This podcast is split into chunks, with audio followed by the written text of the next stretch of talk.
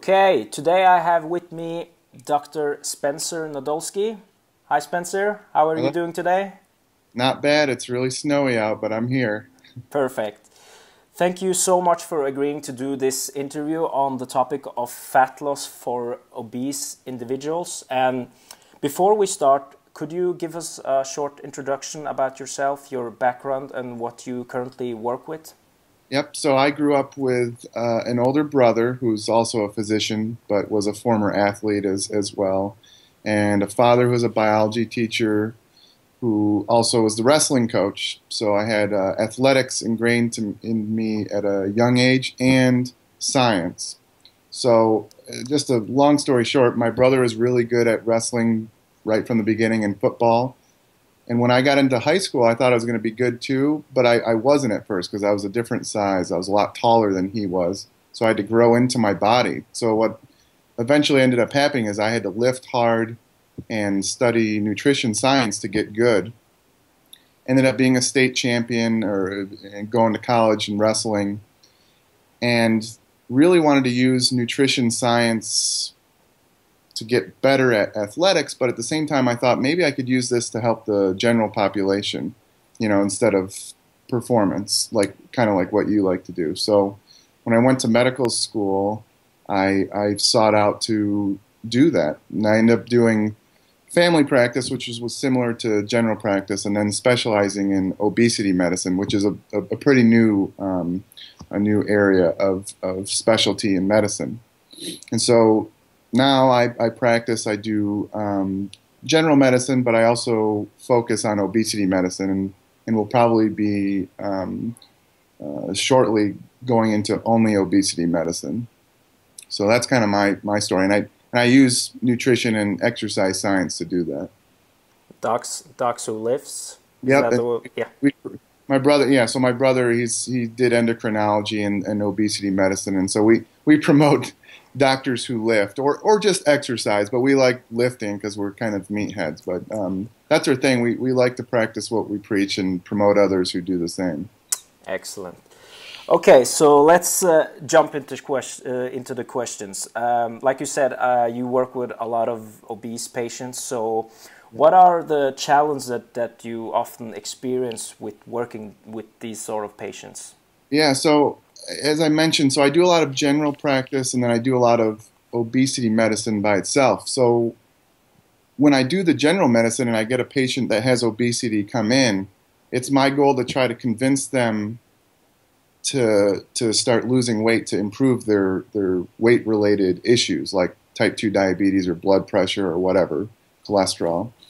So in those patients, it's a lot harder because you have to have a lot of sensitivity, empathy, and, and understanding where they are. Maybe they've tried a bunch of times to lose weight in the past. So, um, kind of seeing where they are, kind of, you know, asking, you know, are you interested in weight loss to help with your um, diseases and things like that, as opposed to other doctors will be like, you know, you need to lose weight because you're going to die from these other diseases, that kind of pushes them away. So that's one of the barriers. Some patients come to me right away because they know I'm an obesity specialist and say, um, you know, I just I want to lose weight. Tell me what to do. So it is. It's so there's a, it depends a little bit um, uh, where they're coming from and what the barriers are going to be in the beginning. Um, uh, but yeah, so one of the things as an obesity specialist, though, from a medical standpoint, I want to know which medicines that they're taking. Some, a lot of medicines cause weight gain and inhibit weight loss. Um, so I'm looking at those right away. I'm looking at any possible chances that they have a, a, a condition that causes weight gain or stops weight loss. You know, obviously people on prednisone, you know, um, and things like that, or steroids that maybe they can't come off because they have an inflammatory disease, you know, that's that's just going to be a barrier. So knowing under understanding that, um, that's a lot of it. So what strategies have you found to be most effective to actually get the, the ball rolling with with the, with the patient to get them motivated and, and moving and making these changes? Yeah, the one of the things that I practice literally on a on a daily basis is motivational interviewing, which I'm sure you're aware of and heard of.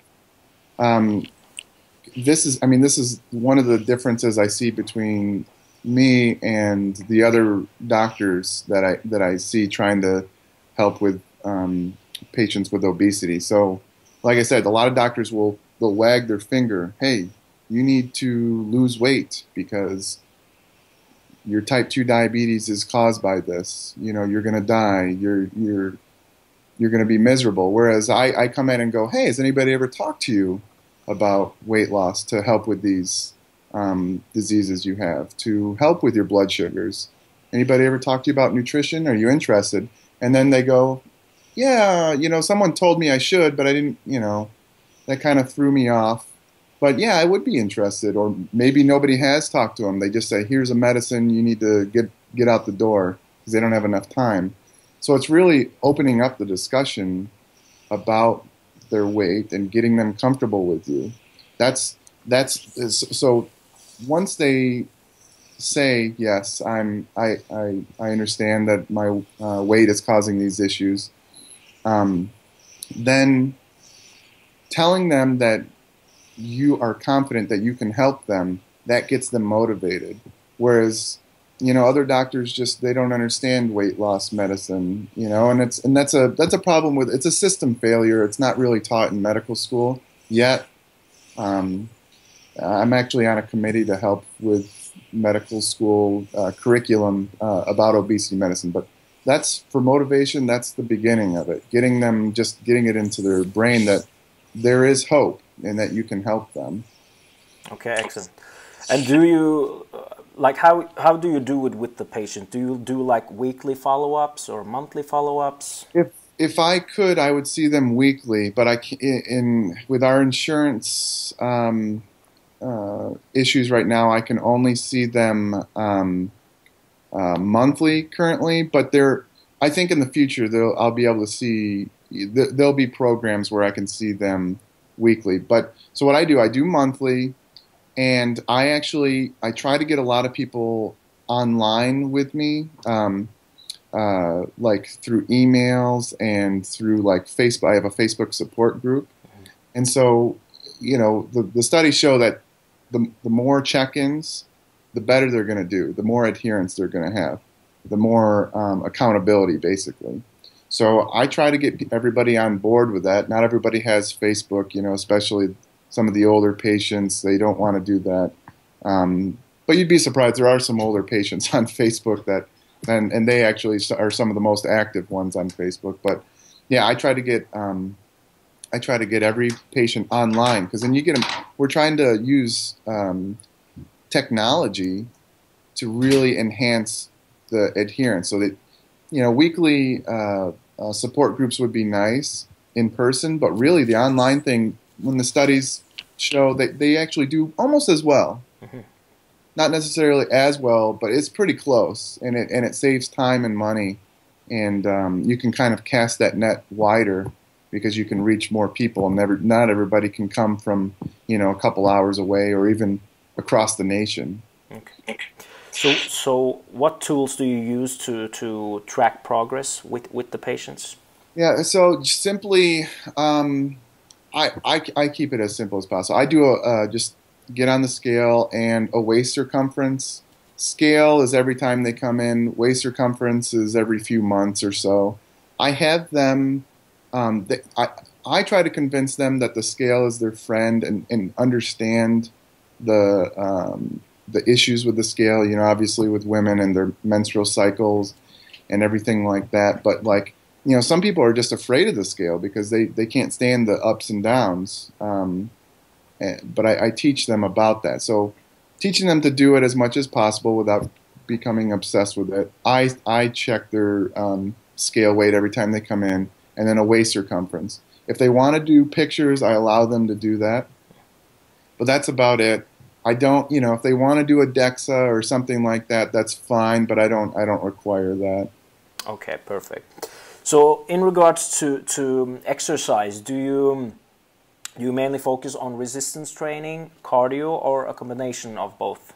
Yeah, so the the traditional way of thinking was aerobic training only. That's that's the that's what's best in in obesity. That's what causes the most weight loss. But um, with my background of wrestling and football and, and my love for bodybuilding and weightlifting, I have I try to convince all my patients they have to lift. And I know this, you know, the pa- the I may be trying to get them to work out and lose weight for their health but let's be honest, the patients, they all want to look good. They want to look better. Yeah, they care about their health and stuff like that. But the bottom line is that they want to look better and feel better. You know, the health always comes secondary. I mean, maybe once in a while they just they don't want to take medicines and that's their main driver, but most of them want to look better. And weightlifting does that. So I do a combination because yes, aerobic training, yes, when you look at the studies it probably beats out weight weight training for just purely weight loss. But when you look at body composition, it's it's bar none is, is a combination of the two. Now, you know, talking about motivation and, and a barrier to to getting them to do it. If they don't like weight training, I try my best to find some sort of weight training they actually start enjoying, whether it's circuit training, whether it's a traditional, you know, full full body three times a, a week, or a split training. Um, I actually go to the gym with them and, and, try to get them to not be so scared of certain exercises, and then get them hooked up with a personal trainer. Um, I, so yeah, I try to do a combination, but uh, it's really ultimately it's going to be up to the patient, you know, what they like to do. But yes, absolutely a combination.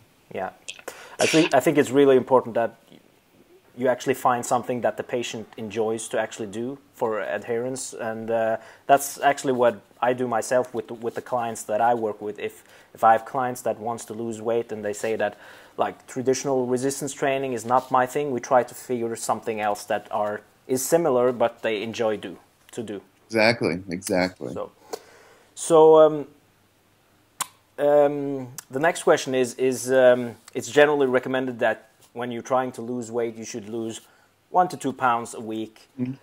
uh, do you feel that this also applies to obese uh, individuals, or should they lose um, should they lose weight at a higher rate? Yeah, so I actually just wrote about this because yeah, there, there's a so in, in, the online fitness community, there's this big thing about oh, if you lose weight fast, it's not sustainable and all this types of things. But really, actually, with patients with obesity, they can lose weight at a much uh, much more rapid or faster rate um, and not be worried about losing muscle. Um, so, you know, I, I, get patients that are 300, 400 pounds, which I guess for um, you guys, that would be more of, you know, around the 180, you know, 1, 150 to 180, 200 kilograms. Um, so I get them to lose, you know, three to four pounds um, per week a lot of times. Not not anything over that, and, and if it is over that, it's usually water weight um, not not necessarily fat, a little bit of muscle probably in there too. But um, so and for that, it would be more like one to two kilograms for you guys. But um, uh, yeah, I, it's it's a myth because they're not at, at much of a risk of losing um, losing muscle.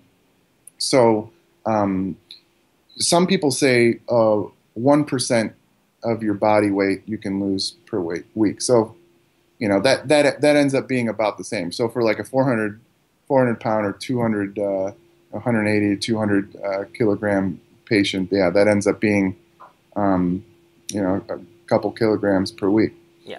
Um, so um, yeah, it, it, I don't I don't know where you know for for leaner athletes like so someone like me, I don't want to lose more than like a half a pound half a pound per week. You know, so um, uh, yeah, that, that that's a myth. And so I, I, it also what the studies show, and I just posted about this, is actually those who lose faster may end up doing better in the long run because the whole thing with losing slower is that slow and steady wins the race, and that they're going to be able to keep it off longer. But actually, that's that's a complete myth. Actually, maybe those who lose faster in the beginning keep it off longer. And it might have to do with motivation. It might have to do with lowering the inflammation in their brain to where they don't have as much of the metabolic uh, issues. Nobody really knows. It's just, you know, at, at, at worst, they're equal. Maybe that's at, at best, it's actually better to lose weight faster in the beginning for somebody with obesity. Yeah. And it, it obviously makes sense to base it on percentage on a weekly basis, how much you lose, because obviously one one or two pounds uh, for a guy that's 400 pounds compared to one that's 200 pounds, it's, yep. it's, a, it's a big difference. It is, very much so. Yep, you're exactly right. Yeah. So so how do you estimate the caloric uh, needs for these patients, and how do you divide the, the calories between the different macronutrients? Yep. So um, I have a few ways of doing this, and actually, there is um, the Obesity Society and the um, American Heart Association, uh, American College of Cardiology. They have guidelines for obesity, and, and they get the smartest people in the in over here in North America to um, come together and kind of make these different recommendations. And I, I kind of follow those because they're they're based on good evidence. So one way of doing it is just to go, let's put you on a low calorie diet. Let's put you on a 1,200 to 1,500 calorie diet if you have obesity, you know, 300 400 pounds or a couple hundred kilograms. And no matter what, that's going to be low enough to where they're going to rapidly lose weight. The other way of doing it is, is calculating their um, uh, total daily energy expenditure and just um, um, you know going dropping by um, 500 calories or something like that. Um, I, I don't like that way because so a lot of my patients they're they're beginners. They're not counting their macros or calories in the beginning, and they're not so precise. So I, I, I put most of my patients on a pretty low calorie diet in the beginning and then we figure it out later um, when they when when they start um, stalling and things like that. So I generally put most of my patients on a 2,000 or, uh, or, or lower calorie diet um, in the beginning, unless they're like don't have have as much to lose. Then we then we figure out their total daily energy expenditure, um, and there are a few different um, calorie uh, calculators out there. Um, um, the, one one of the easiest ways is finding their what's their current weight right now um, in pounds and then multiplying it by 10. That's just that's such an easy way to do it. You can do that, or you can multiply their ideal body weight, which is a, a BS term. We don't use ideal body weight anymore, but um, you can multiply that by 10. Really, kind of, you can also get like a, a, baseline. What are they eating right now, and then just uh, calculate it out, you know, with a um, like MyFitnessPal or one of these apps, and then say, all right, we're going to subtract 500 calories from that what you're currently eating, and that's and that's I, I try to keep it simple, um, and and basically shoot for that few pounds of weight loss per week.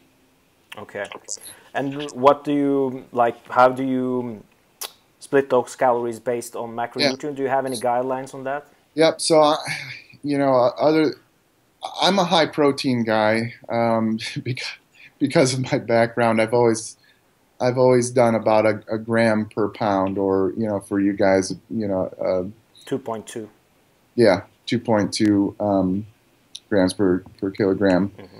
About that, so I, I can go down to um, 0.75 uh, grams per pound for us, but or one 1.5, I guess, for you guys around there however, so a pa- you know, so a patient that's um, 300, 400 pounds, or a couple, um, you know, a couple hundred kilograms. I, am not going to do that. So it it it, it always ends up being around 30 percent, mm-hmm. and even then, it can it can still you know depending on how many calories you're eating, that could still get pretty high. So at the very least, it, when we start shooting for that many grams of protein, we, uh, you know, I end up saying, okay, at the very least, try to get in 25 to 30 grams of, of quality protein per meal, and it ends up being three or four meals per day. So, I mean, it, when they look at studies of uh, for obesity, that tends to be, you know, that 25 to 30 grams of protein tends to be enough to hold as much muscle and keep them as satiated as much as possible.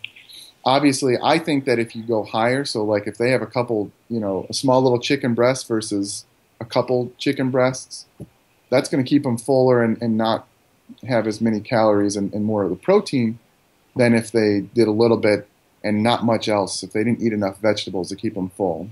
My goal is to make sure they're not hungry and miserable on the diet because otherwise that's not going to work. So that's basically how I do it. Okay. And do you prefer to have them on lower carbohydrates intakes and higher fat intakes? It it ends up being that they are lower carb compared to what they are currently. That's just that's that seems to be always the case. I I do prefer lower carb diets, but I'm also it's they're also lower calorie in general, very low calorie. So mm-hmm. like they're not getting much of anything, and I'm trying to push that protein that keep them fuller. But um, and when when they do eat fat, it's it's of the what we call good fats or you know monounsaturated, polyunsaturated. I, I tend to stay away from the saturated. I'm not big into the high fat, um, low carb, high fat diets, the ketogenic diets, unless they think they could sustain that. Most people can sustain it for a few, you know, few weeks, few months, but they end up going to a party or something and they can't, you know, they, they can't handle themselves. Um, so uh, I, they end up being lower carb, but they're not they're not necessarily higher fat because there's the diets are lower calories in general, so it can't even be that much higher fat anyway. Okay. If that makes sense. Yeah. And plus, if I get them, if I get them to start exercising, I don't want them feeling miserable when they're trying to exercise. You know, some of these doctors they'll put people on just ketogenic diet. You don't have to exercise. Yeah, and they'll lose weight, but like you know, what are we just? We want people to sit on the couches all day and just lose weight just just for the heck of it. No, I want my patients to move and feel healthy and look good. You can lose a lot of weight. You're not, but if you're not lifting and exercising, you're not going to actually, you're not going to look as good as what you could um, and feel as good. So, in those patients, I make sure that they're not super low carb. And when I say super low carb, I mean ketogenic, like less than 20 grams of, of carbohydrates. I, I try to keep them around 100 at least, 120, which is still low carb but it's focusing those carbs around their um, their workout to where they feel like they can actually do a good workout. So that's how I do it. Okay, excellent. The next question is uh, which which approach you find most helpful. Like I know you already mentioned that um, macro counting is something your patients aren't currently doing, but do you have some patients that actually follow a flexible approach and only yeah. track their macros? Yeah, I do. It's it's the patients that are real. They they love technology. They love numbers. Um, I, I, get a feel for it at the beginning. Some patients at the beginning they start counting their calories and macros because they've they've done well with it in the past. It seems to be something they can sustain. Some patients absolutely hate it. So yeah, I, I do, and and it's something that I I start teaching after a few months of this flexible approach. Although I want all my patients thinking flexibly, you know, as opposed to that whole dichotomous or black and white thinking like, oh my God, I can't have that, versus, no, you can have that, but, but, you know, just every once in a while type of thing. So like, I tell them what I do. It's like, I don't, I don't have a, um, I don't have some sort of crazy dessert every night, but every once in a while I, I have it and I just don't worry about it. So I try to instill that into them. Um, and and yes, the patients that really get into the macro counting and calorie counting, they can do it much easier because they can see it. They're like, no, look, I um, I do have room for this. Um, but the other ones that just kind of go based on just habits and not calorie counting or anything, I, I teach them kind of what I do and that thinking, yeah, every, you know, it, it doesn't have to be, oh, two week periods up, let's have this cheat dessert. It's more of, you know what, I want that. It's been a few weeks. Okay, I can have that, as opposed to, you know, no, I can't have it at all because it's going to go straight to my belly type of thing. So I do teach, I teach it flexible approach in both calorie counting and macro counting and in the habit uh, based type of um, uh, teachings. So, do you use meal plans with some of the patients if they don't count macros, or are there just general recommendation for food selection? Yeah. Yeah, it's a good question. So I have something called the Rapid Fat Loss. So my book's called the Fat Loss Prescription. It's kind of my whole roadmap to um, to weight loss. Um, and then I have something called the rapid fat loss prescription, which is just a two week strict meal plan um, uh, that that I give them in the beginning, and um, it is a meal plan. But what I basically try to do is it, it, it's, a no brainer. You don't have to think. You just follow this plan. But that's not going to be sustainable. Nobody nobody can follow a strict meal plan for long. So then I start building into them habits and a template of how to follow similarly while eating the foods that you enjoy. Um, and that's that's and so at the same time, some patients don't need that strict meal plan at the beginning, and then we just start focusing on a couple habits at a time. So like, oh, you go to fast food every day for lunch. How about we start working on just one thing? Let's have you um, make a sandwich and bring an apple for lunch every day. Could you do something like that? You know, and they go, yeah, that would be easy. And so then we just focus on that one thing where we know they're probably going to save about 500 calories on that one on that one meal, you know, as opposed to going to McDonald's or, or whatever and getting, you know, the easiest, you know, burger and fries. Um, so it, it, it, really depends on the patient. Really depends on their um, their level of of knowledge, nutritional knowledge and experience, um, and what they're willing to do. So um, some patients really need that meal plan in the beginning to get that rapid weight loss because they're just like, I swear I'm not eating any sugary foods, and I'm swear I'm not doing any. You know, it's kind of like you're not you're not eating. Okay, so for some reason, all my patients, not all of them, but a lot of them say, I'm eating 1,200 calories. I'm eating um, I'm drinking a protein shake or whatever for breakfast, and I'm eating salads for lunch and dinner. It's like no, you're no, you're not. This it's not possible unless you truly are on one of those medicines I talked about, or um, they have a condition I was kind of referring to before, because basically they're describing that they're eating uh, in a thousand calorie diet, which there's no way. You know, if they're if they're 300 pounds or 100 50, 100, whatever kilograms. Um, so, so sometimes I'm like, okay, I want you to follow this. If that doesn't work, then I start looking into you know those medical issues. But then sometimes they need a um, uh, an appetite suppressant, um, and, and, because they don't realize that they're just they're they're eating a lot more than they think they are, or sometimes they're just not measuring right. So it, it gets it gets very individual. Um, basically, what I'm trying to say. yeah.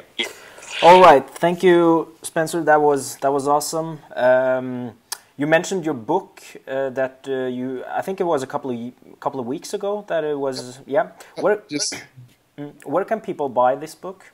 Yeah, this is available on Amazon. Um, you can get it on Kindle, Audible, and paperback, depending on where you live. But um, it's it's the Fat Loss Prescription. Uh, it's pretty much my whole roadmap to weight loss, lifestyle, and it also includes every medicine um, that can cause weight gain or inhibit weight loss. So I think it's very important everybody knows that, and every every condition that can stop weight loss. The most common conditions. I don't include uh, the zebras, what we call zebras, the the rare ones that that are not likely.